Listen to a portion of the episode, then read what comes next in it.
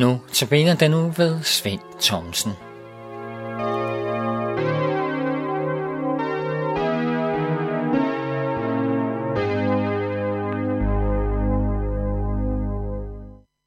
Ved tidligere andagter, jeg har haft, har jeg indledt med et kerneord fra vores Bibel, og det vil jeg også gøre i denne uge. Jeg vil nævne, hvor det står i vores Bibel, og jeg vil gentage verset til sidst i andagten, så hvis du ønsker at notere det ned, så skal du have en blyant og et stykke papir parat. Kerneordet eller ordet til i dag har jeg hentet fra Filipperbrevet kapitel 4 fra vers 6, og der står, Vær ikke bekymret for noget, men lad i alle ting jeres ønsker komme frem for Gud, i det I beder og bønfalder under taksigelse. Vær ikke bekymret for noget.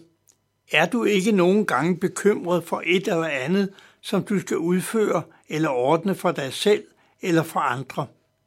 Er det en opgave på din arbejdsplads eller en samtale med en god ven?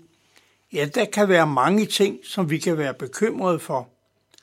Men når vi her i verset hører Paulus sige, at vi ikke skal være bekymrede, så er det ikke alene de menneskelige bekymringer, men også når det drejer sig om det at høre Gud til. I verset læser vi videre, og Guds fred, som overgår al forstand, vil bevare jeres hjerter og tanker i Kristus Jesus. At du som hører denne udsendelse bekymret for dit åndelige standpunkt, går du og bekymrer dig om, om du nu er en kristen, om du er med i den flok, som vandrer mod himlen, så er der måske grund til at være bekymret. I de vers, der står lige før vers 6, der skriver Paulus sådan, Glæd jer altid i Herren. Jeg siger af dig. Glæd jer, lad jeres mildhed blive kendt af alle mennesker. Jeg ønsker vi at følge Jesus og leve sammen med ham, så vil det kunne ses på os, at vi har et mildt sind. Så må det udtrykke glæde til andre. Så må det kendes på os, at vi er Guds børn. Har du denne glæde, og bekender du dig som et Guds barn, så husk at bringe denne glæde videre til andre. Brug for eksempel et smil og et venligt ord. Det kan være med til at smitte af på andre. I sangen, vi lyttede til, lød ordene også til dig. Kom som du er til din frelser. Her er der ingen betingelser. Lad det fine tøj blive i skabet. Klæd dig ikke på, som du skal til en fest. Tag heller arbejdstøjet på, og her mener jeg, begynd at beskæftige dig med Guds ord. Læs din Bibel, som jeg håber du har, og studer Guds ord. Der findes ikke noget bedre opslagsbog om det at høre Jesus til, end at læse sin Bibel. Husk på, det er den bog, som er skrevet på flest sprog i hele verden. Ja, det er den største bestseller, der findes. Intet kan stå model med den. I Paulus brev til Efeserne, kapitel 6, vil jeg læse nogle vers direkte, som de står i vores Bibel. Og det er fra versene 10 til vers 17. I øvrigt vær stærke i Herren og i hans mægtige styrke. I fører jer Guds fulde rustning, så I kan holde stand mod djævelens sniløb. Til for os skal kampen undskyld, til for os står kampen ikke mod kød og blod, men mod myndigheder og magter, mod verdensherskerne i denne mørke, mod ondskabens hjørnemagter i himmelrummet. Tag derfor Guds fulde rustning på, for at I kan stå imod på den onde dag, overvinde alt og bestå. Så stå der fast, spænd sandhed som bælte om lænden, og ifører jer retfærdighed som brynje, og tag som sko på fødderne villighed til at gå med fredens evangelium. Overalt skal I løfte troens skjold, hvormed I kan slukke alle den ondes brændende pile. Grib frelsens hjelm og åndens svær, som er Guds ord. Under stadig bøn og anråbelse skal I altid bede i ånden og holde jer vågne til det og altid være udholdende i forbøn. Spænd sandheden som et bælte om jeres lænd. Ifør jer retfærdighed som en brynje. Tag som sko på fødderne villighed til at gå med fredens evangelium, og løft troens skjold mod den onde slående pile. Der er rigtig mange ord at tage hensyn til her og tænke på.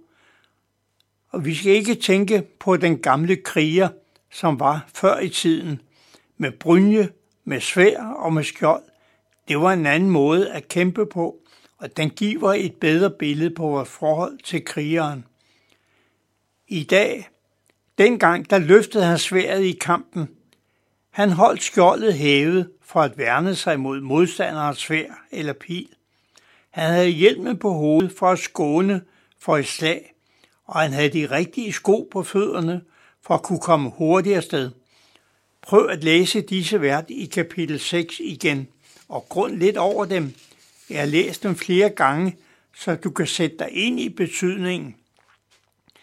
Jeg har det personligt svært med ikke dagligt at læse i Bibelen eller en andagsbog, for så mangler jeg noget i mit liv.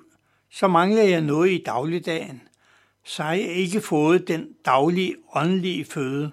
Og vi skal altså sørge for at spise, for ellers dør vi, og det kan vi også gøre rent åndeligt. I 2006 blev min hustru ramt af en jernblødning, og i dag sidder hun på et plejehjem.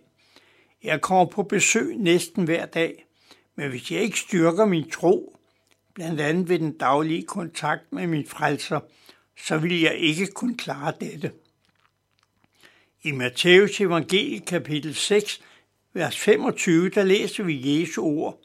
Vær ikke bekymret for jeres liv, hvordan I får noget at spise og drikke, eller for, hvordan I får tøj på kroppen. Er livet ikke mere værd end maden, og lægemet mere end klæderne? Se på himlens fugle, de sår ikke, de høster ikke og samler ikke i lade, og jeres himmelske far giver dem føden. Er I ikke langt mere end de? Hvem af jer kan lægge en dag sit liv ved at bekymre sig? Der er mange spørgsmål i disse vers til disse sætninger. Har vi grund til at bekymre os? Selvfølgelig, vi må tænke på dagen i morgen. Selvfølgelig må vi tænke på den gave, vi skulle have købt til en fødselsdag eller lignende. Men en ting er ganske klart, vi skal tænke på vort åndelige liv, på vores egen tro og vores næstes. Guds ord må vi ikke forsømme. Ikke glemme at læse dagligt og bede og takke for alt det, blandt andet kræfter til dagens opgaver, og det er ikke så let. Jesus siger også i ordet, bed uden ophør. Og så kan du spørge, skal jeg virkelig gå med foldede hænder hele tiden og ikke beskæftige mig med andet? Nej, så bogstaveligt tror jeg ikke, det skal tages, men at have kontakten til vor himmelske far, det er meget vigtigt. Til sidst vil jeg minde dig om dagens ord igen. Det var hentet fra Paulus brev til Filipperne, det fjerde kapitel og vers 6. Vær ikke bekymret for noget, med alle ting jeres ønsker komme frem for Gud i det beder og bønfalder under taksigelse.